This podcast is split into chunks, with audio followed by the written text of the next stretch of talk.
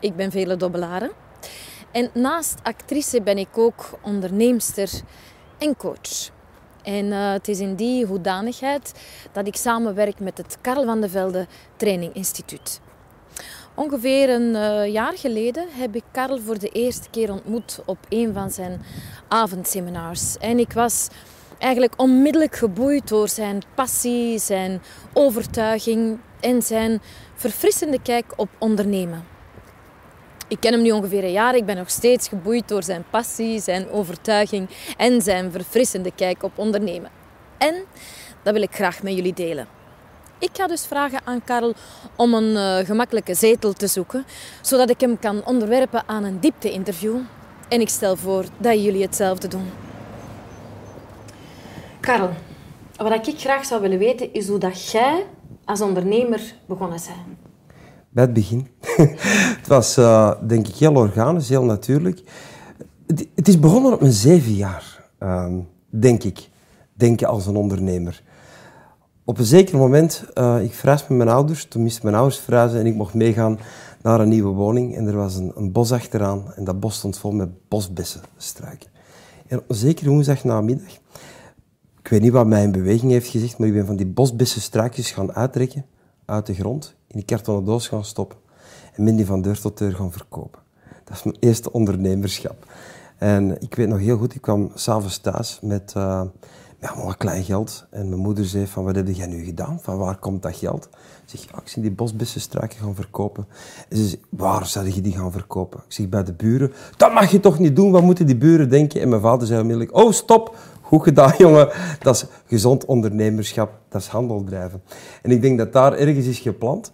Uh, heel concreet, op mijn 17 jaar, ik was niet de beste student in school. En op mijn 17 jaar heeft de school de samenwerking stopgezet met Karel.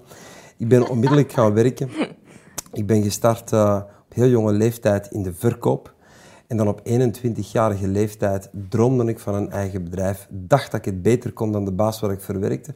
Om onmiddellijk vast te stellen, als ik dan begon op mijn 22-jarige leeftijd met een bedrijf in de deurkeuken- en trap- en renovatiesector, dat ik het niet beter kon dan de baas waar ik vroeger verwerkte.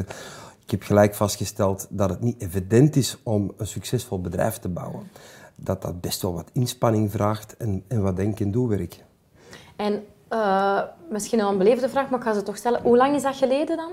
Toen jij Ehm, 22 was? Ik ben, van, ik ben van 1965, dus uh, je kan het ongeveer uitrekenen. Moet ik zelf wel even rekenen, 28 jaar terug zeker. hè? Ja. En um, is, is dat nu nog hetzelfde als je nu opnieuw zou beginnen? Moest je nu 22 zijn als, en als ondernemer in de wereld, uh, de wereld zou stappen? Is dat nog dezelfde wereld? Het is een totaal andere wereld. Er zijn heel veel dingen hetzelfde gebleven, want uiteindelijk ondernemerschap door de tijd is wel veranderd, maar is langs de andere kant ook wel hetzelfde gebleven. Er zijn een aantal specifieke dingen die je moet beheersen, die nodig zijn, die in je moeten zitten om, denk ik, succesvol te ondernemen. Langs de andere kant is de wereld helemaal veranderd. Hè. De opportuniteiten zijn anders. Daarnaast is het ook zo, als je op 22-jarige leeftijd of op 35 of op 40-jarige leeftijd een bedrijf start, het maakt niet uit op welke leeftijd dat je start, denk ik, maar als je een startende ondernemer bent, dan is je wereld anders dan wanneer je een meer gevestigde waarde bent. Doch zijn er altijd principes die terugkomen bij ieder soort van ondernemer in elke sector, in elke Ja. branche, doorheen de hele tijd in Ja. de wereld. Eh, Je hebt al een paar keer het woord ondernemer en ondernemen vernoemd. Ehm, ik heb dat ook onlangs eens opgezocht naar synoniemen. En eigenlijk heb ik er geen schoon gevonden. Wat is dat voor u, ondernemen en ondernemerschap? Ondernemen, denk ik, is eh, van niets iets creëren, in mijn geest. Manifesteren, creëren, helpen. Eh, andere mensen hun problemen helpen oplossen, andere mensen levenskwaliteit, waarde brengen. Ook een basis, denk ik, van gezond ondernemerschap is waardeoverdracht. De kwaliteit en de kwantiteit van waarde dat je overdraagt als onderneming, als ondernemer, staan in verbinding met het succes van het bedrijf en het succes dat jij als ondernemer mag ervaren. Ik denk dat je een waardegedreven mens moet zijn om succesvol te kunnen ondernemen. Dus ehm, als ik het goed begrijp, dan heeft ondernemen in eerste instantie niet direct iets met geld te maken. Je zegt ja, het vertrekt vanuit waarde, vanuit willen helpen, vanuit eh, creëren. eh. en het gevolg daarvan is, als je dat goed doet, dat je centen verdient. Mogelijk. Mogelijk, als je in een sector bent waar dat ook wat centen te verdienen zijn. Ik denk, uh, geld mag nooit een primaire drijfveer zijn als je gaat ondernemen een denkfout die ik zelf heb gemaakt trouwens. Hè. Ik dacht, ja, in het begin als je 21 jaar bent, wat spreekt u aan? Dat is een mooie auto, een schoon huis, vakanties, een, een dikke pre verdienen iedere maand. Maar daar gaat ondernemerschap helemaal niet om. Het is het creëren, het, het brengen van waarde naar de maatschappij. En ik denk, het volume en kwaliteit van waarde dat je aflevert in de maatschappij zal ook bepalen hoeveel dat je dan zelf daar ook aan mag verdienen. Mhm. Dus met andere woorden, hoe meer waarde dat je levert naar de markt, hoe meer dat de markt jou gaat belonen. Ooit zei een succesvolle topondernemer, toen ik vrij jong was, ik heb zo mij altijd weten te omringen met mentors, zei tegen me van Karel, ehm, goed geld verdienen is een aangename consequentie van datgene wat je graag doet en goed doet. Mhm. Maar goed geld verdienen mag nooit jouw primaire focus zijn, want dan ga je het ook missen. Focus je op waardeoverdracht. En dat heeft heel mijn business totaal veranderd. Als je klanten tevreden zijn en reclame maken, ambassadeurs worden van je organisatie, ja, dan krijg je meer klanten. En hoe meer klanten dat je hebt, hoe meer omzet dat je maakt, hoe meer omzet dat je maakt, hoe meer winst je genereren. Hoe meer winst dat je hebt, hoe meer dat je terug kan investeren in je onderneming, hoe meer je onderneming kan groeien. En um, dus ondernemers zijn a priori mensen die graag geven en investeren hè, in zichzelf en hun bedrijf en ook in de maatschappij. Wat is de waarde die jij wilt brengen naar de mensen? De dag van vandaag ben ik vooral actief ehm, in de opleidingswereld. In de opleidingswereld is dan misschien niet juist gezegd, het is mijn missie om ondernemers te inspireren, te motiveren en zakelijke doorbraak te maken. Ik zie dat heel veel ondernemers met vragen zitten met zorgen zitten, dat ze niet vooruitkomen. En ik denk dat ondernemen niet zo moeilijk is als je weet wat je moet doen en je doet vooral de juiste dingen vanuit de juiste mindset dan, en gebruikt de juiste strategieën, dan kan je in eender welke sector een product of een dienst welke levensvatbaar is, succesvol in de wereld zetten en er aardige business mee maken. Doch zie ik heel veel ondernemers, spijtig genoeg, hè, ik ben er ook geweest, knoeien. Ik heb ook mijn knoeiperiode gehad in het begin, dat je wat aan ligt te modderen en je weet niet wat je moet doen. En je doet vooral heel gemotiveerd de verkeerde dingen. En dat leidt dan tot resultaten die dat je helemaal niet wilt. En uh, ik zie heel veel ondernemers vandaag in dezelfde situatie zitten. Maar is dat, is dat slecht a priori knoeien? Uh, nee, dat is heel goed, denk ik. Want hoe meer fouten dat je maakt, hoe meer dat je leert. En hoe meer dat je leert, hoe meer dat je vooruit kunt gaan. Doch er is een binnenweg dat je kunt nemen. Hè. Als je, je moet meer de fouten maken die andere succesvolle ondernemers voor jou hebben gemaakt. Je kunt, ik geloof enorm in het concept modelleren. Het, het, leren van mensen die jouw doelen en dromen al hebben gerealiseerd. Hoe hebben die mensen dat gedaan? Wat zijn de fouten dat die mensen hebben gemaakt? Die moet jij niet per definitie nog eens een keer gaan maken. En ik zie heel veel beginnende ondernemers fouten maken die ze eigenlijk niet moeten maken en daardoor vastzitten. Langs de andere kant zie ik ook heel veel gevestigde ondernemers, ondernemers met een bedrijf welk al een basissucces heeft, zoeken naar manieren om te groeien en ze zien het niet. Ze zien het niet hoe dat ze die doorstart kunnen maken of die doorbraak kunnen maken naar dat nog hoger niveau van ondernemen. En het is mijn missie om deze ondernemers te inspireren met inzichten, met strategieën en technieken om sneller tot een doelbestemming te komen. Want um, als ik het goed begrijp, zeg je, er is een soort van... Um, er, of er zijn een aantal regels die, als je die toepast, hè, die altijd in gelijk welke periode succesvol zijn. Betekent dat dat eigenlijk, ik zou maar zeggen, als ik een beenhouwer heb of ik doe in IT, dat dat in wezen hetzelfde is in iedere branche. Ja, absoluut, in iedere sector. En ben je nu een beginnende ondernemer of ben je een ondernemer van, laten we zeggen, 70 jaar, welke een multinational heeft gebouwd, zijn bepaalde principes die hetzelfde blijven. Bijvoorbeeld, drijfkracht, gedrevenheid. Ik heb vastgesteld dat de vorm van het bedrijf in verbinding staat met de vorm en de staat van de psychologie van de ondernemer. Hoe denkt de ondernemer? En ik heb vastgesteld in mijn onderzoek naar topondernemers dat topondernemers vooral gedreven ondernemers zijn. Ze hebben een ambitie. Ze, ze zien het positieve in de wereld. Ze zien de mogelijkheden, de kansen en de opportuniteiten omdat ze die willen zien. Ze zijn er vanuit hun psychologie op gericht. Terwijl er heel veel ondernemende mensen zijn die erop gericht zijn om te klagen. Om te kijken naar de moeilijkheden. Om hun aandacht te richten op de zorgen. Ik heb vastgesteld dat topondernemers vooral gedreven mensen zijn die heel positief georiënteerd zijn. Ja, en die hebben evenveel moeilijkheden dan misschien minder succesvolle, alleen kijken ze er anders naar. Uh, ze hebben minstens evenveel moeilijkheden en problemen te tackelen dan uh, minder succesvolle ondernemers. Sterker nog, hoe groter dat je wordt als ondernemer, hoe groter dat, je, dat ook je, ik noem het dan uitdagingen, je uitdagingen worden.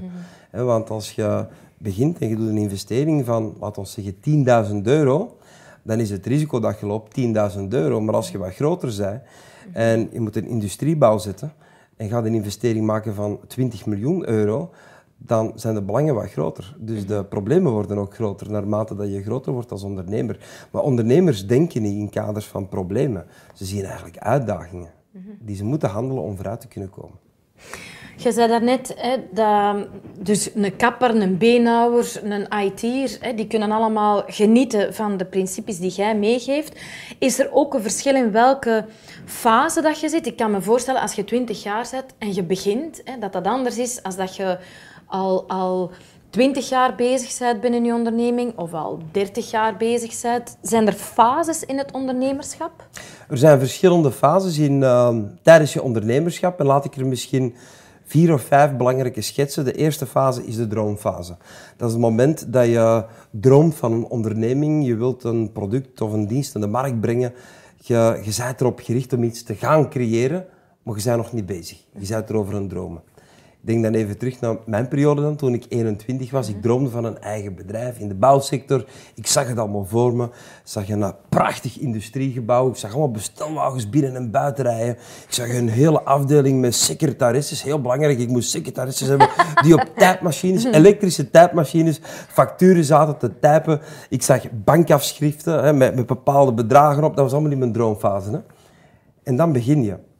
En dan stel je vast dat ja, die beginfase helemaal niet zo is zoals je het gedroomd hebt. Er zijn vooral problemen. Er zijn uh, in plaats van uitgaande facturen, zijn er vooral binnenkomende facturen. En dikwijls de stapel facturen dat je moet betalen is groter dan het geld dat op je rekening staat. De mensen dat je in dienst neemt, die blijken niet de mensen te zijn dat je dacht dat ze gingen zijn. Het zijn dan mensen die plotseling ineens afwezig zijn of hun afspraken niet nakomen. Of toch niet het niveau van productie halen dat jij had gedacht. Plotseling zijn er ja, regels en wetten waar dat je rekening moet mee houden. Plotseling zijn er taxen waar dat je niet aan had gedacht, die dat je ook nog een keer moet gaan betalen. Er komt zoveel op je af en dat is één grote zoektocht. Hè. Dat, is, uh, dat is paniekvoetbal. En daar leer je uit. En ik vind dat een heel waardevolle fase. En ik denk, die moeten we ook allemaal doorgaan. Mhm. Die fase, dat is de beginfase. En, en daarna kom je in de groeifase. En wat is de groeifase? Dat is dat je al een soort van basissucces hebt. Je hebt bepaalde principes, systemen, procedures en strategieën gecreëerd die constant leiden tot specifieke resultaten. Dus je haalt maandelijks je omzetcijfer, je maakt maandelijks goede winstmarge en ja, je hebt een levensstijl dat je kunt ontwikkelen dankzij je business en daarnaast kan je investeren in je bedrijf en je bedrijf wordt groter. Dat is de groeifase. En dat is denk ik de tofste fase om in te zijn, want dat voelt goed je gaat vooruit. En als mensen voelen dat ze vooruit gaan, dan zijn ze wezen gelukkig. Als we voelen dat we achteruit gaan, financieel achteruit, relationeel achteruit of fysiek achteruit of whatever dat we achteruit gaan, dat voelt meestal niet goed. Dus we willen gewoon vooruit gaan. Dat geeft ons het gevoel van voldoening, zelfbevestiging en dat wakkert ook onze ambitie en onze drijfkracht aan. Maar dan daarachter is een heel gevaarlijke fase, dat is de relaxfase. Dat is de fase dat je denkt dat je gearriveerd bent en je verliest de scherpte als ondernemer. Je gaat er mentaal onbewust vanuit dat alles wel zal blijven werken zoals het altijd heeft gewerkt. Maar het blijft niet werken zoals het altijd heeft gewerkt. Bepaalde dingen in de wereld veranderen. Klantengedrag verandert. komen nieuwe wetten en regels bij. Bepaalde mensen op je organisatie krijgen andere objectieven en stoppen ermee. Plotseling, ja, een bepaald product dat je naar de markt levert slaagt meer aan. Of een belangrijke klant van je valt weg. Of er verandert iets. En dan zie je dikwijls die business terug naar beneden gaan. En dat is dikwijls dankzij dan de relaxfase, omdat je meer scherp actief in je business was. En ik denk dat het heel belangrijk is dat je jezelf in die groeifase blijft bewegen. Ja, of um, de droomfase misschien ook terug af en toe erin integreert. Ik kan me voorstellen inderdaad dat je dat het goed is, ook als je tien of twintig jaar bezig bent, van af en toe nog te durven dromen van hoe zou ik het anders willen, hoe zou ik verder willen. Hè? Terug van de secretaresse en de... En de Allee, dat uit een droomfase zou ik me kunnen voorstellen als ondernemer dat er weer nieuwe ideeën en veel goesting ontstaat. Een ondernemer is een beetje zoals een bergbeklimmer. Dat is, uh, je hebt een berg getrotseerd, je hebt die beklommen, je hebt op die top gestaan. En terwijl dat je op die top staat, dan zij dan denken, oké, okay, wat is nu mijn volgende berg mhm. die ik ga beklimmen? En die volgende berg heeft bij voorkeur ook een top die niet hoger ligt dan de top waar dat je nu op staat. En dat is heel typisch aan ondernemerschap. Dat is ook typisch aan de sport. Dat is mhm. dat we de lat iedere keer hoger leggen. En dat is ook maar gezond, want het verplicht je dan om iedere keer, zoals je zelf ook zegt, terug in die droomfase te stappen. En je blijft in en die de groei... is leuk, hè? Je blijft in de groeifase door regelmatig terug te keren naar de droomfase. Wat nu? Wat gaan we nu creëren? Wat nog? Want waar haalt je dan, waar haalt jij je, motivatie, uw bevrediging uit?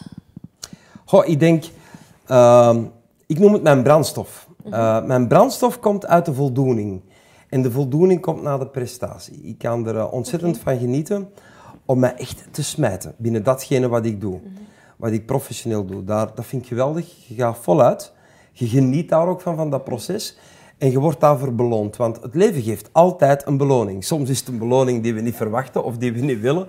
Maar je krijgt altijd een beloning. Maar als je je goed smijt en je doet de juiste dingen, dan lukt je.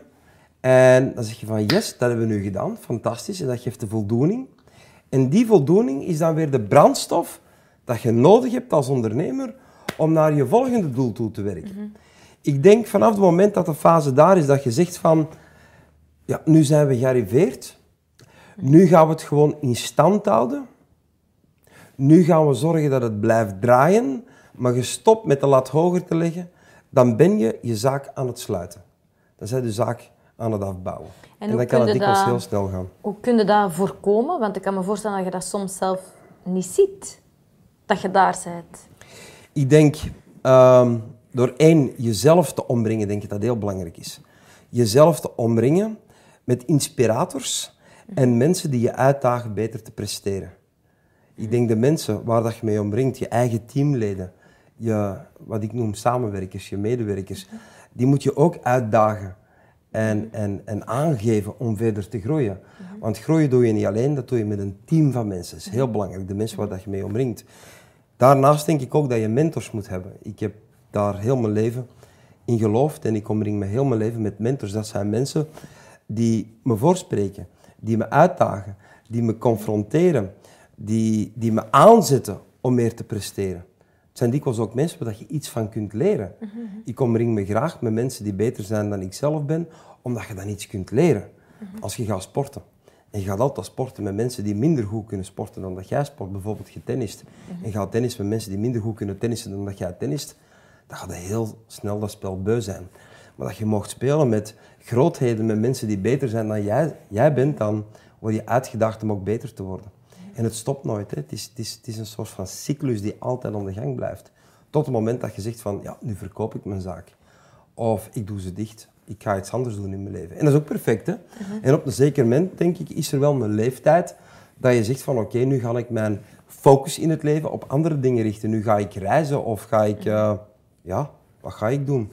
Meestal ondernemers die blijven bezig. Die kunnen het niet loslaten. En hoe bewust zet jij de volgende top van de berg daar? Hoe bewust zet jij je targets? Weet je nu al van, oké, daar wil ik naartoe. En dat is dan de volgende stap. En dan komt er dat. Ja, een heel belangrijk inzicht wat ik zelf ooit heb meegekregen van een topondernemer, dat is plan vooruit. En heb lange termijn doelstellingen, heb middellange termijn doelstellingen en heb korte termijn doelstellingen. Mhm. En wat de meeste mensen doen, dat is ze kijken naar hun huidige realiteit, waar dat ze nu staan met hun bedrijf, en gaan dan kijken waar zouden we nu volgend jaar kunnen staan. En waar zouden we dan kunnen staan drie jaar later. Ik heb ontdekt dat het anders beter werkt. Wat je eigenlijk moet doen, dat is, je kijkt even naar je huidige realiteit, en dan stap je in de droomfase en zeg je, waar zouden we nu willen staan binnen vijf jaar? Binnen vijf jaar van nu. En bijvoorbeeld op het moment dat we dit gesprek hebben, zijn we 2015. Waar willen we nu staan in 2020? 2020. Waar willen we staan? En ga dan eens ongelimiteerd beschrijven hoe dat de vorm van je bedrijf eruit ziet, hoe dat je werking eruit ziet, hoe dat jouw professionele activiteiten eruit zien binnen vijf jaar van nu. En dan ga je downchunken. Dan ga je terugkomen door de tijd naar het nu. Dan ga je eens een keer kijken, oké, 2020, waar moet ik dan staan in 2019? Waar moet ik staan in 2018 als ik in 2020 daar wil staan? Waar moet ik dan staan in 2017? Waar staan we nu in 2015? Waar moeten we dan staan in 2016 om in 2017 daar te kunnen staan, om vervolgens die brug te kunnen maken naar 2020? Dus je gaat wat verder in de tijd kijken en dan ga je downchunken naar beneden. Wat ik interessant vind, is dat als je inderdaad dat stukje zegt, ongelimiteerd gaat daarover nadenken. Want wat ik merk, hè, als ik uh, zelf als coach met mensen aan de slag ga en ik laat ze even dromen, dat mensen zichzelf direct censureren en zeggen, ja, maar binnen vijf jaar, dat weten we niet, want de conjunctuur verandert zo rap. Hè, vijf jaar geleden was er dan nog niet. En dat was helemaal anders. Hè. En dan zeg ik ook van, maar wacht, even niet. Dus ik vind dat ook goed dat je zegt, even niet jezelf limiteren, want anders naar mijn gevoel, is er heel weinig mogelijk. Dan begint al met de rem erop te zetten, terwijl het juist zo goed is om het eens los te laten. Hoe gaat jij om met mensen die zeggen, ja, maar dan kan ik nog niet, want dat... Uh, hoe, deelt jij daarmee? Wel, het is dubbel. Ik denk dat mensen enerzijds te klein denken en langs de andere kant vind ik dat mensen te groots denken. En wat bedoel ik daarmee? Mensen denken dikwijls te groots binnen een korte tijd. Ze overschatten dikwijls wat ze op zes maanden of op een jaar kunnen realiseren. Ze zijn te hongerig en te ongeduldig. Ze willen instant succes. Persoonlijk, ik geloof niet in instant succes. Ik denk dat succes een proces is wat leeft en wat je moet onderhouden. Dus sommige mensen willen op korte tijd te veel bereiken. En dikwijls is dat vanuit een eigen belang. We hebben nu een BTW-nummer, we hebben een eigen zaak en we willen zo snel mogelijk onszelf verrijken vanuit deze zaak. Vanaf het moment dat je een zaak begint om geld te verdienen, gaat ook je eigen kas leegroven en gaat weinig restfinanciën laten in je kas om terug je zaak verder groter te maken om te investeren in je zaak. Een valkuil bij heel veel beginnende ondernemers. Langs de andere kant stel ik ook vast dat mensen te klein denken op lange termijn. Dat is voor mij niet mogelijk dat ga ik nooit kunnen realiseren. Dus mensen overschatten wat ze op korte tijd kunnen doen en onderschatten wat ze op lange tijd kunnen doen. Dus ik daag vooral mensen uit om op lange termijn, wat dan in business vijf jaar is, eens een keer eens wat groter te denken. En ga dan downchunken naar korte termijn en begin heel realistisch te doen wat je moet doen om vooruit te komen het komende jaar dat voor je ligt. En dan gebeuren de dingen wel ik denk, succes moet je tijd geven. Succes moet rijpen. Mhm. En soms heeft het leven een andere timing in gedachten dan dat wij in gedachten hebben. Soms komt het rapper en, soms, duurt het wel langer. Mhm. Ehm, je hebt al heel veel mensen gezien, hè? heel veel ondernemers gezien en geholpen. En ehm, je zegt, sommige mensen overschatten zich op korte termijn en onderschatten zich op lange termijn. Kunt jij, als je een seminar aan het geven bent en je ziet in de zaal en je ziet wat er gebeurt, kunt je dan voorspellen, zal ik maar zeggen, van ja, die man of vrouw, die ondernemer, pak het en die niet? Is er een profiel van de ondernemer die ehm, succesvol is en een profiel van de ondernemer die wat minder succesvol is? Ja, toch wel je merkt heel snel patronen. Hè. Ik vraag al meer dan, uh, moet ik even denken, al meer dan 30 jaar eigenlijk uh, stel ik de vraag aan mezelf, waarom doen mensen wat ze doen? Mhm. En wat zijn de gevolgen en effecten van hun gedragingen? En ik bestudeer menselijk gedrag en de menselijke psyche. En ik kan je alvast meegeven dat succesvol ondernemen is voor 80% psychologie. Het zit hem in het kopje. En datgene wat je in het kopje hebt zitten, dat straalt gok uit, dat draagt gok uit. En ik stel vast, hè, als ik uh, ondernemers die voor de eerste keer kennis maken, via, meestal is het dan een avondseminar, dat mensen eens een keer komen luisteren, vind ik ook geweldig. Daar kan je al direct een bepaalde selectie maken. Heel wat ondernemers die daar zitten, zitten vol business-limiterende overtuigingen. En wat zijn business-limiterende overtuigingen? Dat zijn redenen en excuses die je voor jezelf aandraagt, vooral dat je zelf aandraagt, om te verantwoorden waarom dat dingen niet mogelijk zijn. Bijvoorbeeld? Bijvoorbeeld van, ja, maar ja, ik heb, ik heb geen tijd. Uh, ik heb te weinig tijd. Uh, ik heb geen geld, ik heb geen middelen daarvoor. Ja, maar ja, in mijn industrie is dat helemaal anders. Dat hoor ik in iedere sector trouwens zeggen. Hè. In mijn sector, Karel, is het helemaal anders. Hè. Dat werkt helemaal anders. Iedere sector, beste vrienden, is gewoon hetzelfde. Hè. Een succesvolle zaak bouw je door specifieke principes toe te passen, welke leiden tot succes. En ben je nu een tandarts? Ben je nu een apotheek? Ben je een IT-bedrijf? Heb je een bedrijf in ramen en deuren? Ben je een kapper, een beenhouwer of een bakker? Het maakt eigenlijk allemaal niet uit. Je moet bepaalde principes respecteren. En sommige mensen staan niet open voor de winnende principes, omdat ze vol business-limiterende overtuigingen zitten. Ze komen eigenlijk naar je zaal om, te om bevestiging te zoeken dat het voor hun niet gaat. En die mensen kan ik niet helpen. En die andere mensen, hoe zien die eruit? Wel, dat zijn de mensen die op zoek zijn naar goede ideeën om hun business te doen groeien. Eén nieuw idee kan je business totaal transformeren.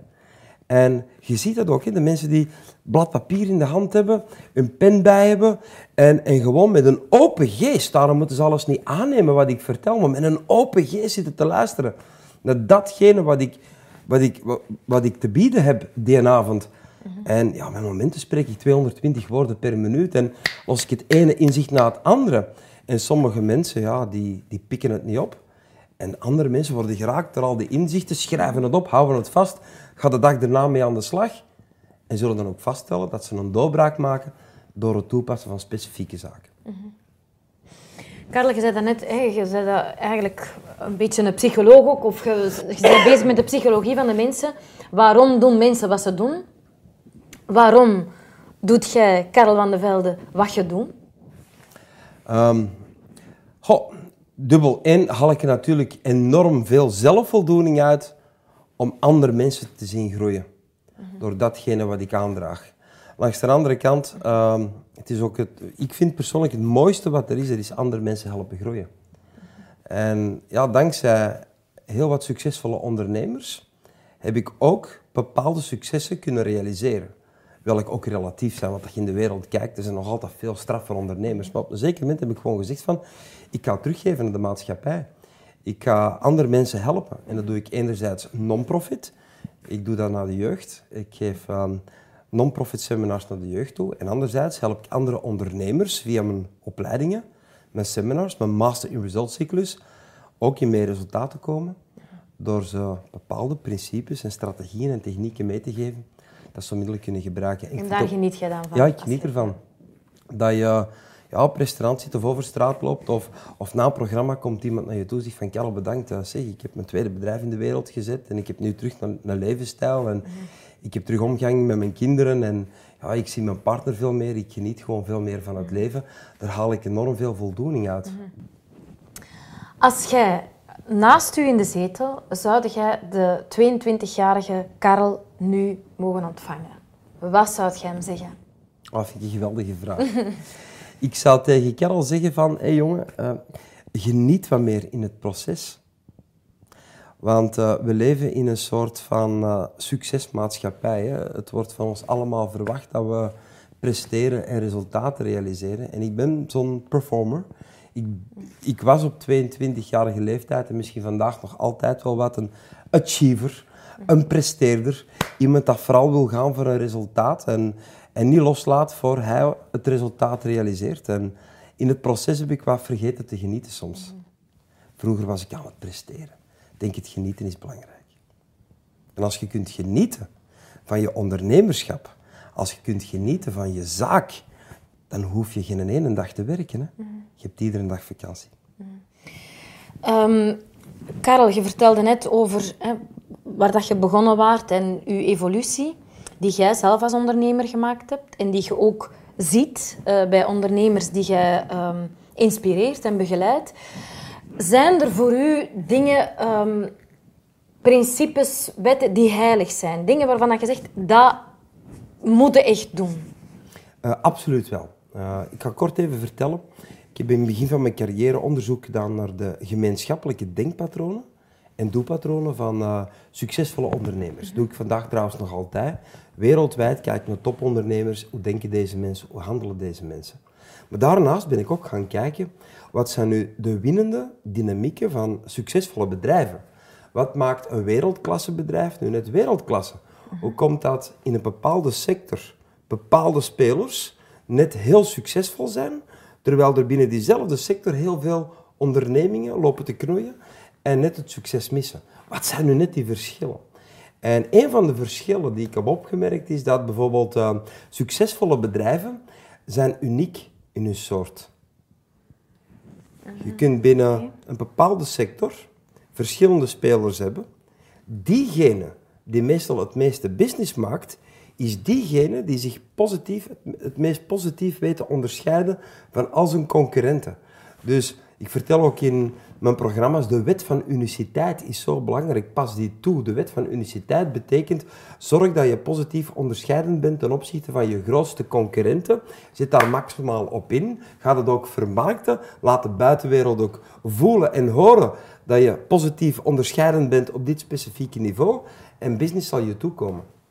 Bijvoorbeeld, um, je hebt... Uh de telefoon, iemand heeft dat uitgevonden en er zijn x aantal telefoons. En degene die zich onderscheidt, is niet alleen de telefoon die ervoor zorgt dat jij en ik elkaar goed kunnen verstaan op gelijk welke afstand, maar ook bijvoorbeeld degene die ehm, heel mooi is. Ja, een mooi voorbeeld is bijvoorbeeld uh, Apple en zijn iPhone. Als we het dan over telefoons hebben. Op een zeker moment komt Steve Jobs met een smartphone. Een telefoon die veel meer kan dan alle telefoons die toen op de markt waren. Mhm die telefoon die kan niet alleen meer, die ziet er ook mooier uit, maar ze zijn die ook op een heel succesvolle manier gaan vermarkten. dus heel de wereld was nieuwsgierig naar die iPhone. Wat is het effect? Ja, bepaalde spelers, bedrijven zoals Ericsson, Nokia, Motorola, Siemens, ja, en je kunt er nog een reeks van andere opnoemen, komen vandaag veel minder aan bod dan Apple met zijn iPhone. Vandaag hebben we twee spelers die de markt domineren. Dat is Samsung, welke met hun telefoon ja, een model hebben gemaakt van de iPhone. En dat is Apple met een iPhone. Mhm. Dus zij passen die wet van uniciteit ook perfect toe. Als je dan bijvoorbeeld kijkt naar festivals. Als je ziet naar, naar, naar Herman Schuurmans met zijn Rock Werchter, zet ieder jaar in om onderscheidend te zijn, zal nieuwe dingen organiseren mhm. om die grote groep mensen naar zijn festival te leiden. Tomorrowland, de Gebroeders Beers. Michiel en Manu zitten in op de onderscheidende factor. Ze gaan een festival creëren waar er geen vijf van zijn. Het is uniek in zijn soort en dat maakt een Tomorrowland bijvoorbeeld net succesvol. IKEA met de meubelen, ook een mooi voorbeeld. Hij heeft een, een concept van meubelen naar de markt brengen, in de wereld gezet, wat anders is dan de andere, maakt dan net uh, IKEA net succesvol. Nu denk je misschien als slager of als kapper, ja maar wat heb ik eraan? Wel, als jij morgen een slagerij hebt, dan moet jij zorgen dat de vormgeving van je zaak, de service van je zaak en de kwaliteit van je zaak zodanig onderscheidend is dat je de norm wordt binnen de gemeenschap waar dat je vlees toelevert. Hetzelfde met een bakkerij, maar hetzelfde met een IT-bedrijf, hetzelfde met een bedrijf welke keukens plaatst bij mensen, tracht onderscheidend te zijn in, in je sector tracht uniek te zijn, tracht je positief te onderscheiden van al je grootste concurrenten. Dus dat is een vraag die ik mij, als ik succesvol ondernemer wil zijn, bijna verplicht moet stellen. Hoe kan ik anders zijn dan mijn collega's binnen mijn branche? Ja, hoe kan ik anders zijn? En hoe zijn we anders vandaag? Hè? Want dikwijls heb je al een onderscheidende factor, maar ga je die net genoeg vermarkten? En weet de buitenwereld niet dat je beter bent dan alle anderen? Pas op, iedereen kan wel zeggen, wij zijn de beste, wij zijn de snelste, wij zijn de meest voordelige, of wij zijn de puntje, puntje, puntje. Maakt niet uit, maar ben je het dan ook wel? En ik denk als je jezelf respecteert als onderneming en ondernemer, dan zoek je manieren om gewoon anders, positief anders te zijn dan mhm. al je concurrenten. En, ja, te zijn en te communiceren. En te communiceren, naar buiten te brengen. Hè? Want de marketing is de katalysator van de motor van je bedrijf. Hè? Mhm. je, je verkoop is de motor van je bedrijf. Je moet constant verkoop kunnen genereren om een mhm. constante winststroom te hebben en constant te kunnen investeren in je organisatie. Nu, de marketing is de katalysator van de motor van je bedrijf. Is de katalysator van de sales. Hoe beter marketing dat je doet, hoe meer potentiële klanten zullen hun weg vinden naar jouw organisatie. En die marketing, daar is toch de laatste tijd heel veel in veranderd. Hè? Je hebt social media, hè? dat was er vroeger nog niet. Ehm, dat is waarschijnlijk ook een kanaal, enfin, in ieder geval het is gratis, dus dat je kunt inzetten. Uh, er zijn zoveel andere tools. Hoe, welke antwoorden geeft jij daarop?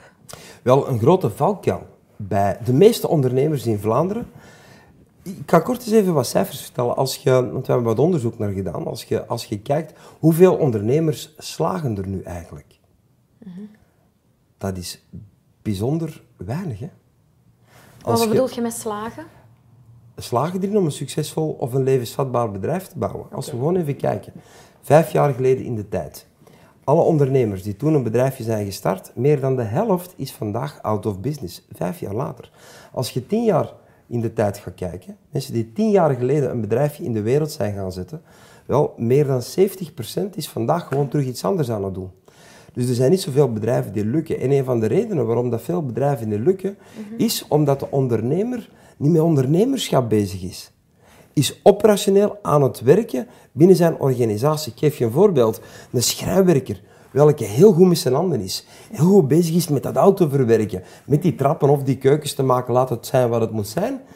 Is niet bezig met ondernemen is niet bezig met marketing, is niet bezig met hoe ga ik vandaag succesvol die klant inleiden, is niet bezig met het optimaliseren van zijn back-office, is niet bezig met het optimaliseren van het productieproces, is bezig met het maken van trappen, ramen of deuren, is niet bezig met het optimaliseren van zijn maar, zaak. En mag dat niet? Als die dat heel graag doet, als die graag ja, je, sprak daar straks over je drijfveer en je missie. Als je zegt van, ah, ik wil echt, ik wil de mensen de sterkste meubelen brengen, de schoonste trappen die binnen 50 jaar en 100 jaar nog goed zijn. Wat moet je dan doen om toch succesvol te zijn op de vlakken die jij net aanhaalt? Van mij mag die een trappenmaker tot zijn 95 jaar heel gelukkig trappen maken. Maar dan bouw je geen succesvol bedrijf. Die trappenmaker zou een heel succesvolle trappenmaker kunnen zijn als hij ook andere mensen leert om op diezelfde manier die trappen te maken. En dat hij zich omringt met mensen die ook de potentie hebben om kundig te zijn. En als je mensen die de potentie hebt om kundig te zijn, kundig gaan maken door ze te coachen, door ze te vormen, dan is het bedrijf niet meer, het succes van het bedrijf niet meer afhankelijk van jouw persoon. Want dan zijn er meerdere mensen die de juiste dingen kunnen doen binnen je organisatie. En vele ondernemers komen daar niet toe. Ze blijven te operationeel doen wat ze al een hele lange tijd aan het doen zijn. Maar als ondernemer moet je bezig zijn met bijvoorbeeld die marketing. En marketing is de laatste jaren ontzettend veranderd. En marketing zal blijven veranderen door de tijd. Er komen altijd nieuwe dingen bij die je kan en moet doen om potentiële klanten te vinden. Dus als ondernemer moet je vandaag expertise opbouwen met betrekking tot marketing. Je moet een goede marketeer zijn. En daar moet je natuurlijk jezelf voorbij scholen. Je moet iets weten over marketing. En datgene wat we vroeger, als je dan business school zou gevolgd hebben, vroeger als je jong was, datgene wat je in school hebt geleerd, is vandaag gewoon out of fashion. Is totaal niet meer aan de orde. Dus je moet je blijven bijscholen. En ik denk dat bijscholen als ondernemer een van de belangrijkste activiteiten is dat je moet doen. Ik ben persoonlijk een product van persoonlijke en professionele mhm. ontwikkeling. Ik zal constant, ben ik, ben ik in boeken aan het snuffelen, ben ik uh, cd's aan het beluisteren, ga ik naar programma's toe, omring ik mij met mensen waar ik iets van kan leren, mhm. bevraag ik ook die mensen, vind ik antwoorden. Ik ben constant een onderzoeker binnen mijn mhm. professionele omgeving. Dat was ik vroeger ook al. Ik had een bepaalde leergierigheid. En ik stel vast dat heel wat ondernemers die leergierigheid niet hebben.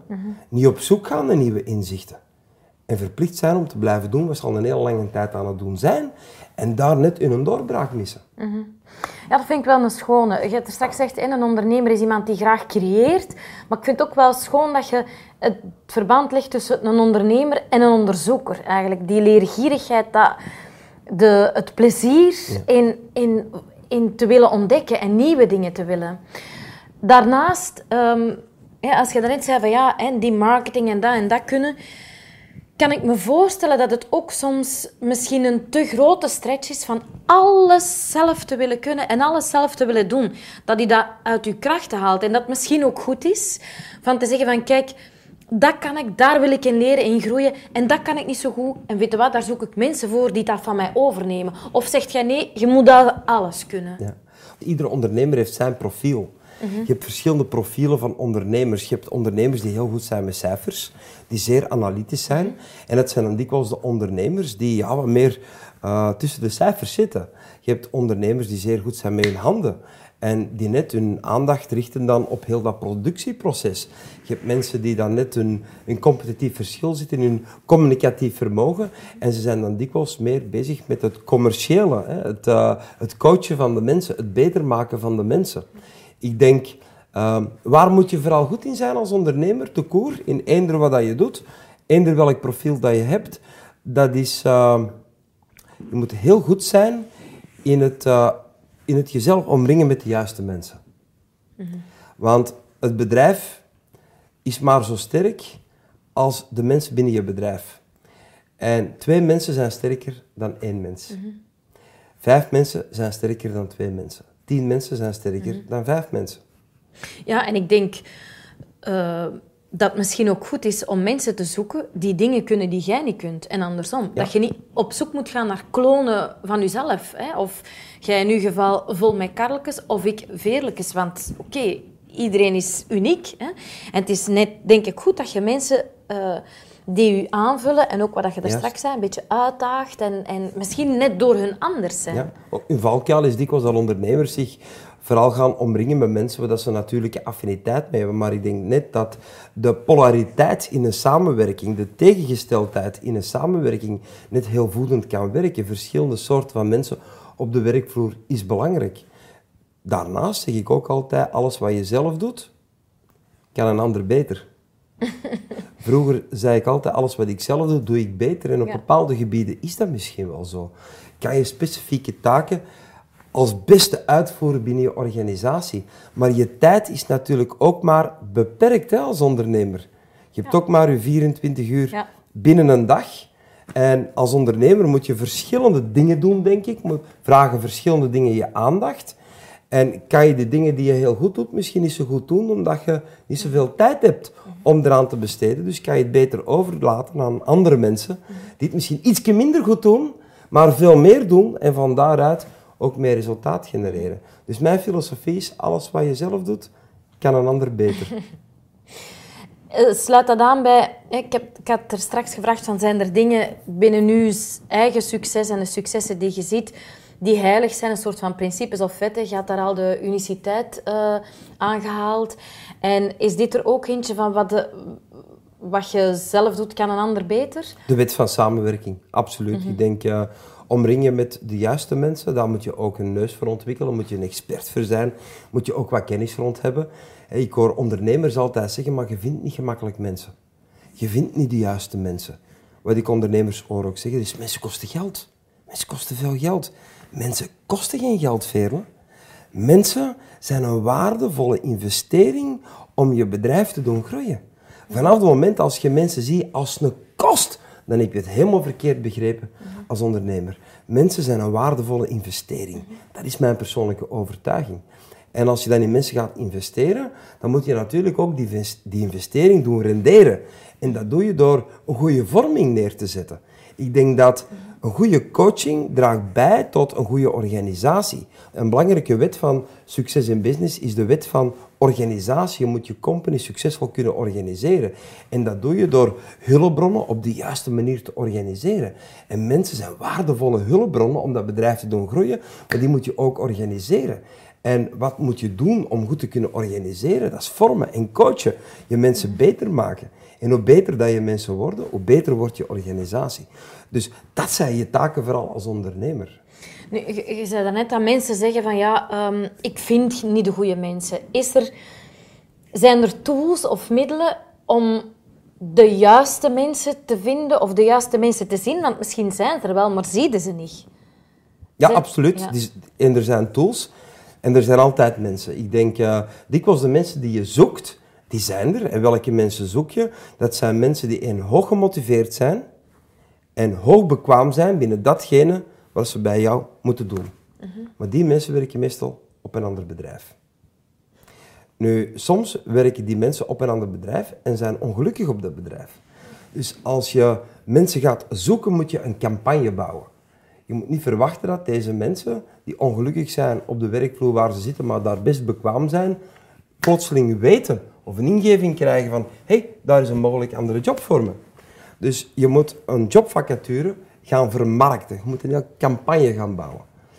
Ik stel vast dat de beste mensen zijn, die kosten zijn de mensen die aanleg hebben om te doen wat ze bij jou moeten doen, hoog gemotiveerd zijn, maar nog net die, die winnende factor missen om het succesvol te kunnen doen. En als je dan een goede coaching voorziet met deze mensen, dan krijg je high performers die je zelf hebt gevormd. En dat zijn dikwijls de meest loyale en trouwe en meest productieve medewerkers. Is dat dan ehm, de, de tweede allez, principe of de tweede wet, de wet van de samenwerking? We hebben al die van de uniciteit en daarnet zeiden die van de. We hebben de wet van drijfkracht. Hè, dus je gedrevenheid is heel bepalend, zoals ik te straks zei. Je moet die persoonlijke kracht hebben als ondernemer Ja. om heel die club te trekken. Hè, en ja, Los van geld, hè, wat je zei. Los van geld, hè, en ja, hebben om te. de grootmoeder van een succesvolle ondernemer, Wouter Torfs, die zei al... eh, je kunt van een ezel geen koerspaard maken. Dat klopt inderdaad. Je kunt zelfs de beste landbouwer of kok kan van een bloemkool geen broccoli maken. Als die gedrevenheid niet in jou zit en je kunt ze niet ontwikkelen, dan zal je ook nooit een succesvol bedrijf in de wereld zetten. Dus de wet van drijfkracht is heel bepalend. Twee, de wet van uniciteit is bepalend. Als je dan in een sector stapt, zorg dat je in een winnende sector stapt en zorg dat je ook wint binnen jouw sector door positief onderscheidend te zijn ten opzichte van alle concurrenten. Dan is er de wet van samenwerking. Ik denk zo snel mogelijk verbinden met andere mensen, samenwerkingsverbanden opzetten en mensen in dienst nemen, is zeer cruciaal als je een bedrijf wilt bouwen. En dan is er natuurlijk de wet van organisatie. Je moet al die dynamieken gaan organiseren op een succesvolle manier. En dat is vooral je taak als ondernemer. En hoe beter jij wordt in het organiseren, hoe meer succesvol zal je bedrijf worden. En dan is er natuurlijk ook nog een andere wet die heel bepalend is. Dat is de wet van maximalisatie. Als op een zeker moment je een basissucces hebt gerealiseerd, bijvoorbeeld eh, je hebt een bakkerij in de wereld gezet en die bakkerij is succesvol binnen een bepaald gebied, binnen een bepaalde context, dan heb je het vermogen om te gaan maximaliseren. Als je ene keer een succes bouwt binnen een bepaald gebied, kan je dat multipliceren, kan je dat gebied groter maken. En dat doen nu net die wereldklassebedrijven. Ze gaan vergroten in vorm door hun afzetgebied te gaan vergroten. Als je vandaag een hele regionale speler bent, ga eens een keer flirten om een, een provinciale speler te worden. Als Ja, weer wat je er straks zei, terug durven dromen even. Hè, ja, ah, gro- groter dromen. Groter worden, hè? Ja. Groter worden, hè? Je volgende top. Succesvol ondernemer Wille Nasus, ja, die heeft zijn bouwwerven in West-Vlaanderen, maar die heeft ze ook in de Limburg. Hè. Die is zijn gebied wat gaan vergroten. En ik denk dat we dat allemaal moeten durven doen. Dat is wat in het buitenland gewoon te koer wordt gedaan. Dat mensen hun gebied potentieel wat groter zien. Terwijl dat wij, Vlamingen, soms te klein denken. Alhoewel dat we mooie voorbeelden hebben van Vlaamse ondernemers die de wet van maximalisatie hebben toegepast en vandaag ook een wereldspeler zijn. En moeten wij allemaal wereldspeler worden? Nee, natuurlijk Nee, niet. Maar als we ervan dromen om meer en beter te doen, dan moeten we het ook wat meer en beter willen zien. En Ja. dat betekent dat we het wat groter moeten zien. Jij sprak daar straks even over, al, eh, al even liet de persoonlijke ontwikkeling vallen. Ehm, voor mij zo als actrice, dat is een overtuiging, geloof ik dat een goede acteur ook een goede mens is. Als in, hè, een mens die in evolutie is en in groei is. Ehm, hoe zit dat bij u en, en ondernemers? Jij als ondernemer zelf, je persoonlijke ontwikkeling, welk traject heb je daarin afgelegd en hoe belangrijk is dat voor u? Wat bedoel je met een goede mens, Veerle? Ehm, een waardegedreven mens. Dus eh, ja, binnen mijn waarden, eh, eerlijkheid is belangrijk, oprechtheid is belangrijk, hè, authenticiteit is belangrijk. Eh, voor mij is vrijheid ook een belangrijke waarde. Maar dus een goede acteur is... Bij ons in Dat België... maakt waarschijnlijk... eh, Je, je, je zegt, ja, ik ben actrice, maar je bent ook onderneemster. En Mhm. het staat in verbinding met elkaar. Hè. Je bent waarschijnlijk ook een succesvolle onderneemster, omdat je succesvolle actrice bent. En dat heeft te maken met je persoonlijke waardestructuur Ja. als mens. Ja. Ook je gedrevenheid in de Ja. dingen die je doet. Eh, Ik ken je als actrice, maar ik ken je ook als coach. Ik ken je ook als onderneemster. En alle dingen die je doet, doe je op een supergedreven manier. Mhm. En dat heeft te maken met jouw blauwdruk, jouw mentale, emotionele blauwdruk. Het zit in jou in om gedreven te zijn, om waardig te zijn, om een vorm van ethiek te hebben. Ik denk dat dat zo belangrijk is, Veerle. Ik denk dat dat de basis is. Ehm, ik denk, de weg waar dat je naartoe gaat is heel belangrijk, maar het spoor dat je achter jezelf laat is nog veel belangrijker. En het kost je tien jaar tijd om een goede reputatie te bouwen. Het kost je slechts tien minuten tijd om een reputatie naar de vaantjes te helpen. Dus ik denk dat ethiek en integriteit zo belangrijk is. Maar het is natuurlijk nog veel meer dan dat, want enkel op basis van ethiek kom je er natuurlijk niet. Je moet daarnaast ook nog al die andere principes activeren en leven om succesvol te kunnen zijn vandaag als ondernemer. Absoluut, daar hebben we het net al over gehad. Maar inderdaad, ehm, en dan komen we terug naar het begin, als je uh, als je dat op een onethische wijze doet, dan denk ik dat je op een gegeven dag toch alleen eindigt, misschien op je, op je uh, berggeld. Maar dus ik denk dat het belangrijk is. Ik heb daar persoonlijk heel veel in geïnvesteerd, zowel als actrice, als als coach, als als ondernemer en vooral als mens, in dat persoonlijke ontwikkeling, in vooruitgaan, in groeien, en naar mezelf kijken, mezelf durven confronteren, lekker goed aan de boom schudden en daardoor groter worden. Wel altijd binnen... Uh, ja, de ethiek, geen andere mensen pijn doen, geen... Uh, allee, de ene is een dood is, de andere is een brood. Dat is iets wat niet bij mij hoort. Hè. Persoonlijk, ik geloof enorm ook in uh, in win-win-win samenwerkingsverbanden. Ik denk, iedereen moet er, moet er goed bij zijn. Ik heb zo zelf een, een, een 4W-model gecreëerd en dat staat één, winst voor de klant. Ik denk, dat is heel belangrijk. De klant moet een bepaald voordeel ervaren bij de transactie. Mhm. En hoe groter het voordeel dat hij of zij ervaart, hoe groter de kans is dat die klant gewoon terugkomt. Twee, er moet ook een winst zijn voor de medewerkers binnen het bedrijf. Medewerkers binnen jouw bedrijf moeten zich ook goed voelen. Ja. En hoe groter de win voor de medewerkers binnen het bedrijf, ja, des te meer dat deze geëngageerd gaan zijn en des te meer dat deze gaan bijdragen tot de klantenervaring. Uiteraard moet er ook een win zijn voor het bedrijf. Het bedrijf moet winst maken, dat is ook belangrijk. Er moet een, moet een levensvatbaarheid zijn. Maar dan is er nog een laatste win. En de laatste win is de, de win voor de samenleving. Wordt de samenleving, het grotere geheel, beter? Door de interacties die je doet als bedrijf. En misschien is het niet gemakkelijk om een directe invulling te vinden, een waardeoverdracht te vinden naar het grotere geheel, de samen, samenleving. Daarom beginnen net ook bepaalde bedrijven een bepaald goed doel te sponsoren door, door het succes van het bedrijf gaan ze een leuk project supporteren, waar dan de samenleving ook weer zijn voordeel uithaalt. Ik denk, dat is een 4W-model en ik tracht in alles wat ik doe, tracht ik ook deze vier winsten te, te realiseren. Mhm. Winst voor de klant, heel belangrijk. Winst voor de medewerker, winst voor het bedrijf, winst voor de samenleving. En mijn overtuiging is dat je ondernemerschap een voertuig is naar levenskwaliteit. Mhm.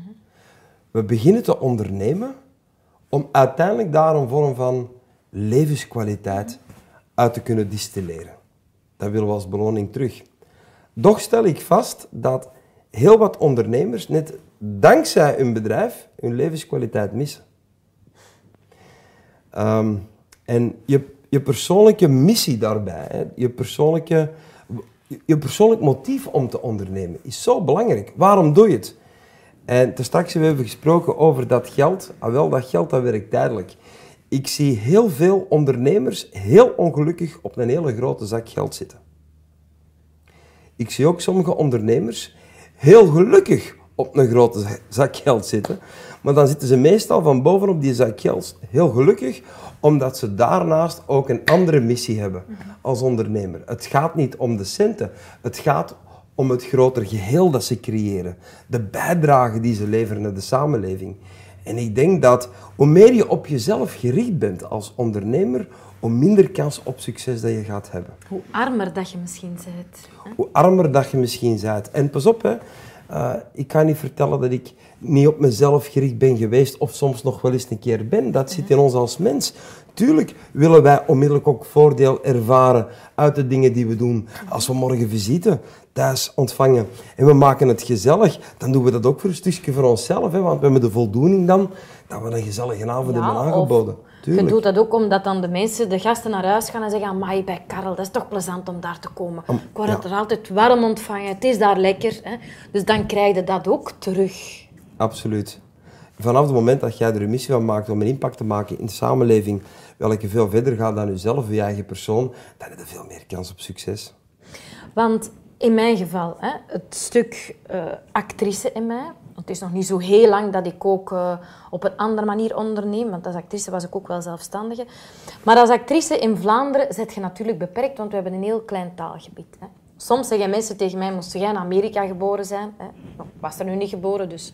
Maar dan had ik veel meer geld gehad. Dus om met uw metafoor te spreken, ik vind mezelf erg succesvol. Ook als actrice. En ik zit dan op een... Ja, geen berg geld zelfs niet, gewoon... Ik heb genoeg. En toch ben ik succesvol. Kan dat volgens u? Of is Tuurlijk. succes altijd gelinkt aan veel geld hebben? Nee, absoluut niet. Oh, nee, zeker niet. Ik denk, succes is een heel... eh, dat is een geprostitueerd woord. En wij gebruiken het ook wel eens een keer, het woordje succes. Maar veel mensen begrijpen succes niet zoals wij het willen uitzenden. Wat is eigenlijk succes? Succes is volgens mij een doel voorop stellen. Een Ja. doel voorop stellen wat jij waardig vindt, een waardig doel voorop stellen. En dat doel bereiken binnen wel bepaalde tijd, zonder de rechten van andere mensen te schaden. En daarbij een gevoel van voldoening te ontwikkelen. En het gevoel van voldoening is de succeservaring die we genieten. Nu, de doelen die wij voorop stellen als mensen zijn zeer divers. Wij mogen nooit andere mensen gaan beoordelen naar onze eigen maatstaven van succes. Wie ben ik? Ja. om jou te beoordelen in verbinding met succes. Je hebt je eigen doelen. En als jij het gevoel hebt dat jij je doelen realiseert en je kunt daar voldoening uit halen, dan ben je voor mij helemaal succesvol. Absoluut wel. Dus ik denk, dat is belangrijk om te weten. Ja. Daarnaast is succes ook een heel tijdelijk concept. Het is niet omdat je vandaag de nummer één in de wereld bent, in de tennis, in de golf, in de voetbal, dat je het ook nog bent binnen drie maanden. Of binnen zes maanden. Of binnen een jaar. Dus ik denk, doelen bereiken, dat, is- dat zijn momentopnames. Dat zijn momentopnames. En dat gevoel van voldoening, dat is ook een momentopname. Dus succes is heel tijdelijk. Ik denk, succes is een werkwoord, zoals geluk Ja. dat ook is. Ja. Dat is iets waar dat je constant moet aan werken. Zeker als ondernemer. Ik denk dat je constant die inspirerende doelen moet blijven vooropstellen. Dat je daar moet achteraan gaan. En dat je moet genieten van het proces erachteraan gaan. Want het doel bereiken op zich is ondergeschikt aan het parcours dat je aflegt. Het parcours dat je aflegt is als een reis maken. Het is, je geniet niet van de eindbestemming. Je geniet van het proces Onderweg van het zijn, onderweg ja. zijn. Van heel die reis. En als je dat kunt doen als ondernemer, genieten van wat de dag je brengt. En s'avonds in je bed kruipen en zeggen, amai, dat was een leuke dag. Het was geen gemakkelijke dag, maar het was een waardevolle dag. Dat was, ondanks dat het voor andere mensen misschien geen succesvolle dag was, was het voor jou wel een geslaagde dag. En als je voldoening hebt kunnen ervaren, was het ook een succesvolle dag. Want de meest succesvolle momenten zijn dikwijls onze hardste leermomenten waar dat we echt voor een probleem staan. Dat we zeggen, van, hoe moeten we dat nu handelen, zeg? Maar je gaat er tegenaan, je bent creatief en uiteindelijk handel je het wel. En je bent weer sterker geworden als mens. Dus het is het proces dat je aflegt dat je beter maakt als mens. Dat je sterker maakt als mens. Dat is nu net interessant aan ondernemerschap, hè, want je wordt uitgedaagd langs alle kanten. Hè. Ja, en ik vind het ook echt waardevol dat je ehm, mensen ook meegeeft dat ze hun eigen definitie moeten maken van succes hè, of van levenskwaliteit. Als je Ja. zegt ondernemen is een tool om te geraken naar een betere levenskwaliteit. Maar wat ik, de manier waarop ik kwaliteit invul, is anders dan die Ja, van u. Hè. En het is goed dat je dat... Dat je je eigen boot bestuurt en zegt van ja, die van mij eh, heeft bloemetjes en, en, en ruikt naar eh, weet ik veel wat. En die van u ziet er anders uit. Maar dat mag, dat het goed is. Dat je, dat, dat je mensen stimuleert om dat onderzoek te voeren. Want ik denk zelfs dat mensen dat zelf niet altijd goed weten. Wat is voor mij succes? Wat is voor mij kwaliteit? Absoluut. Ehm, goh, eh, een, een van mijn eerste successen, financiële successen bijvoorbeeld, was op een zeker moment gewoon al mijn rekeningen kunnen betalen op tijd voor de vervaldatum. Dat was, een, dat was een eerste financieel succes. Dat was ook een doel. Hè? Ik zou eens graag, als al die facturen binnenkomen, ze ineens kunnen betalen. Voordat ik een recommandé, hè, een herinneringsbrief moet krijgen. Ah, wel, ik moet zeggen, de eerste keer dat ik dat kon als jonge ondernemer, die succeservaring was veel groter dan dat je nu een bepaald bedrag op je rekening ziet binnenstromen. Ja. Dus het is allemaal heel relatief, hè? Het is allemaal heel relatief. En daarom moet ook genieten van eh, ieder fase in je ondernemerschap. Ik denk, ik zie soms ook eh, beginnende ondernemers veel meer genieten dan gevestigde waarden. Die zeggen van, hoe kunnen we nog eens zoveel miljoen plussen? Ja. Ik denk, business is emotie. En je moet op ongeacht waar dat je staat, op zoek gaan naar die emoties. En die moeten toelaten, die moeten kunnen ervaren. En dat maakt het juist boeiend. Dat is het proces, dat is, daar gaat het eigenlijk om. Ja, vandaar dat ik het interessant vond wat je zei van een ondernemer is, is iemand die creëert, maar ook iemand die altijd blijft onderzoeken de wereld en zichzelf. Ja, en, dat, en, en dat, in, dat, in, dat, in steeds dat terugkerend proces, dromen groeien, dromen groeien, dromen groeien. Helemaal. Ik krijg augustus om dingen te gaan ondernemen. Top. Ja, maar dat is raar, want ik heb mezelf eigenlijk nooit als een ondernemer gezien. Tot, tot, daarom dat ik ook vraag aan u, wat is dat dan ondernemen? Dat is niet altijd een bedrijf hebben met 50 mensen en, uh, en dat kan ook op een andere manier zijn. Uh, dat creëren, dat onderzoeken. Ja. Um, jij vertelde daarnet dat je onder andere deed wat je doet, omdat je ervan geniet om andere ondernemers te helpen groeien. Um, hoe doet je dat? Goh, um, ik draag kennis over. En dat doe ik op een, op een bijzondere manier. Persoonlijk, ik ben uh, niet het type student dat uh, heel lang aandachtig, geconcentreerd kan luisteren naar wat de meester of de juffrouw vertelt. Dus um, ik ben op zoek gegaan, ook door de tijd, naar het nieuwe leren. En het nieuwe leren is vooral, denk ik, beleven, is ervaren, is op een dynamische manier kennis opnemen. En uh, wat ik vooral doe, is enerzijds mensen die ondernemers die meer en beter. Want ik, ik heb jaren ondernemingen gecoacht. En, en weet je wat je dan hebt? Dat is, je wordt ingehuurd door de directie om dan uiteindelijk de medewerkers van het bedrijf productief te maken. Ik stelde heel snel vast, het water loopt van boven naar beneden in de rivier. En alles begint bij de ondernemer zelf. En als de ondernemer net die winnende factor mist, dan mag je die mensen zo gaan inspireren, zo hard dat je wilt. Die gaan, die gaan er niks mee doen, want de ondernemer blokkeert het, houden tegen. Dus op een zeker moment heb ik gezegd, ik ga enkel en alleen nog maar ondernemers die daarnaast ambitieus meer en beter willen, gaan coachen. En dat doe ik aan de bron. Beginnen aan de bron. En dat doe ik door ja, inspirerende seminars, waar ik dan vooral enerzijds kennis ga overdragen. Ik denk, uh, mensen zijn iets met, waar ze onmiddellijk iets mee kunnen. Dus je moet vooral dingen overdragen die ondernemers onmiddellijk kunnen gaan toepassen. Dingen welke onmiddellijk leiden naar meer resultaten. Ik denk dat is de basis, dat is het belangrijkste. Daarnaast moet je de mensen ook motiveren om ermee aan de slag te gaan. Want het is niet omdat je vandaag iets leert, dat je morgen er ook iets mee doet. Dus wat ik ook doe, is mensen motiveren. Een energie overdragen die heel aanstekelijk is, die positief infecterend werkt, zodanig dat ze met nog meer gedrevenheid binnen de business staan. En het derde wat ik doe, is mensen entertainen. Mogen toch eens lachen. ik doe niet te serieus over serieuze dingen. Dus we creëren ook een plezant klimaat. Als mensen s'avonds thuiskomen na een opleiding van 1, 2 of 3 dagen, dat ze zeggen, oh, dat was een toptijd. Ik kan al niet wachten tot het volgende programma dat ik weer ga deelnemen. Zodanig dat ook mentaal en emotioneel leren wordt geassocieerd met plezier. Ik denk dat dat heel belangrijk is. Ja, ik vind het interessant um, wat je zegt over het nieuwe leren, inderdaad. Want er zijn... Pas op, ik kon vroeger wel een beetje opletten als ik echt wou. Maar ik merk dat als ik ouder word, dat ik minder geduld heb. Omdat je natuurlijk ook meer weet. En dat je denkt, ja, kom jongen. Hè, hè, hè. Uh, dat het niet te theoretisch uh, mag zijn. Dus...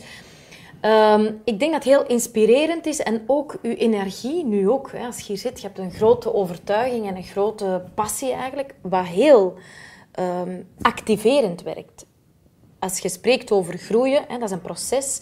En vooruitgang, dat is een beweging. Dus ik denk dat het belangrijk is inderdaad dat je de dynamiek kunt overbrengen, waardoor mensen bijna zeggen, Karel, kun je rap voortdoen, want ik wil dingen gaan doen. Hè. Ik wil het gaan omzetten in een actie. En um, ik kan me voorstellen, maar ik ben benieuwd hoe dat jij dat beleeft, dat als je voor een groep mensen uh, spreekt, dat jij de energie naar de groep overzet, maar dat de groep ook zichzelf eigenlijk ja, warmer maakt, zal ik het maar zeggen. Ja, het is een samengestelde energie. Hè? De mhm. energie van een groep van 50 mensen is veel groter dan een groepje van vijf mensen. Een groep van, bij wijze van spreken, niet dat, dat we zoveel mensen toelaten onze programma's, maar als je 500 mensen samenbrengt, of, of 10.000 mensen samenbrengt in een sportpaleis, om naar een bepaalde artiest te gaan kijken. En die artiest die performt en het publiek komt in eenzelfde beweging, in eenzelfde ritme, dan is dat, oh, dat is een gevoel van, dit willen we nog volgend jaar als die terug, terugkomt, dan gaan we terug die show beleven. is veel krachtiger dan dat je met tien rond de tafel zit. En ja, dat, dat maken we los. En het is, er is niks zo fantastisch dan, denk ik, als ondernemer in omgeving te zijn met andere ondernemers die ook ambitieus zijn, die ook geactiveerd zijn, die ook bepaalde doelen willen bereiken binnen bepaalde tijd en openstaan voor persoonlijke ontwikkeling en ook willen delen met elkaar. Een fantastische omgeving. En is het dan louter theoretisch of wordt er afgewisseld wat theorie? Doen ze ook zelf eens wat oefeningen of worden ze al uitgenodigd om in de actie te gaan? Het is aangenaam interactief. Hè. Je moet ook mensen niet te ver buiten hun comfortzone halen. Dat heb ik ook geleerd. Iedereen kan in zijn eigen staat, zoals hij zelf wil, het programma deelnemen. Maar er wordt gelachen, er wordt even bewogen, maar er wordt vooral veel opgenomen. Er wordt ook gekoppeld met elkaar, zodat je kunt klankborden over je eigen situatie. Zo waardevol. Dus het is een interactief platform waar mensen een maximale kennisopname doen. Ja. En allemaal gelijkgezinde mensen. En gelijkgestemde mensen, absoluut. En dat is zo belangrijk. Je vindt vandaag niet zo gemakkelijk gelijkgestemde. Als ondernemer, als ambitieuze ondernemer, is het niet gemakkelijk. Hè? Want vertel maar eens een keer tegen je buren wat je plannen zijn. Mensen gaan kijken van, zich die heeft de hoogste bol. Dus de bedoeling is dat je toch kunt spreken over je plannen. Met je medewerkers is het soms ook niet altijd gemakkelijk om eens een keer je problemen neer te leggen. Want dat maakt dan de mensen weer onzeker. En dat kan wel bij ons op ons platform. Mensen kunnen gewoon elkaar verbinden en, en actief klankborden. Ja, want het is inderdaad een beetje een Vlaamse ehm, gewoonte, zal ik maar zeggen, om te zeggen, doe maar kleintjes, doe maar gewoon, dat is al zot genoeg. Dus ik denk, hè, ook als ondernemer, als je naar buiten komt en veel dromen hebt en, en, en verwachtingen en zegt, ik ga dat doen, dat collega's die in een andere modus zijn, al gauw zeggen, doe maar gewoon, jong, doe maar gewoon. Absoluut, ja. ja. Blijf je maar met je twee voetjes op de grond. En weet ook dat je met je twee voeten op de grond staat, kom je geen meter vooruit. Hè. ja. Je moet met je voeten van de grond om vooruit te komen. En dat is zeker zo in business. En uh, wel, dat durven we wel activeren. En je merkt ook dikwijls dat ondernemers het gewoon geweldig vinden. Om eens echt hun doelen en hun dromen te kunnen delen. Om zichzelf eens in vraag te kunnen stellen. Om eens een keer geconfronteerd te worden. Want dat is ook een sterkte van onze programma's. Dat is dat als spreker, ik heb geen reserve om iemand te confronteren. Want een goede coach durft te confronteren. Ik stel vast dat er heel wat coaches zijn die erop gericht zijn om in affiniteit te blijven met hun coaches. Want ik wil dat mijn coachie, de persoon die ik nu coach, mij aardig vindt. Mhm. Want die persoon moet terugkomen besteden. Mij kan het niet schelen dat jij me aardig of niet aardig vindt. Mm Mij kan het schelen dat je vooruit gaat. En om je vooruit te werken, zal ik je soms moeten confronteren. En ik stel vast dat mijn klanten, ondernemers die ambitieus zijn, ook openstaan om eens een keer eens geconfronteerd te worden op hun werkpunten. En dat is zo belangrijk. Mm -hmm. is ook eens een keer die zelfconfrontatie durven aangaan. Is gechallenged worden, uitgedaagd worden om beter te presteren. Dat snap ik heel goed, wat je zegt van dat confronteren, van even te zeggen, wacht, hè, we gaan nu spiegelen. Um, daarnaast is het ook leuk om vanuit die confrontatie bezig te kunnen zijn met de mogelijkheden. Hè, wat je daar straks zei. Problemen of uitdagingen heeft iedereen. Maar bij u krijgen ze de kans om bezig te zijn met wat is er mogelijk? Hè? Uh, wat zijn oplossingen? Wat zijn mogelijke pistes? En ik denk dat dat ook heel erg niet alleen bevrijdend is, maar stimulerend. Wij stellen ook vast dat mensen in hun business niet alleen beter wordt, maar hun leven verandert ook. Hun leven wordt beter. Om nu even over die mogelijkheden te spreken. Persoonlijk, ik denk dat het leven één golfbeweging is van allemaal problemen en zorgen. Het is alsof dat je op strand staat en de zee brengt constant golven van zorgen en problemen. Constant. Heel je leven door. Maar daarnaast is het leven ook één golfbeweging van kansen, mogelijkheden en opportuniteiten die op je afkomen. En waar kijk je naar? Mensen hebben een dominante focus ontwikkeld door de tijd. Door de zelfindoctrine en de indoctrinatie van buitenaf. En heel wat ondernemers, stel ik vast, hebben een patroon van focus ontwikkeld dat constant gefocust is op die zorgen en die problemen. En door het feit dat ze die golven zien en voelen, ervaren ze de golven van de mogelijkheden niet meer. En als we verder door onze programma's zijn, zijn ze ook geoefend om de mogelijkheden, de kansen en de opportuniteiten terug te zien. Want weet, het, de kaart die voor je ligt, is niet het totale gebied. En soms hebben mensen zo'n uh, negatieve kaart voor hun liggen, dat ze dat positief gebied niet meer zien. En wat wij doen is mensen terug. En het brengt veel meer dan alleen maar een betere business. Het brengt uh, in veel gevallen ook een beter huwelijk. Het brengt in veel gevallen ook uh, meer zelfbalans. Het brengt in veel gevallen ook meer zelfvertrouwen. Het brengt in veel gevallen ook een betere relatie met kinderen, met de omgevingswereld. Het brengt in de meeste gevallen meer levenskwaliteit.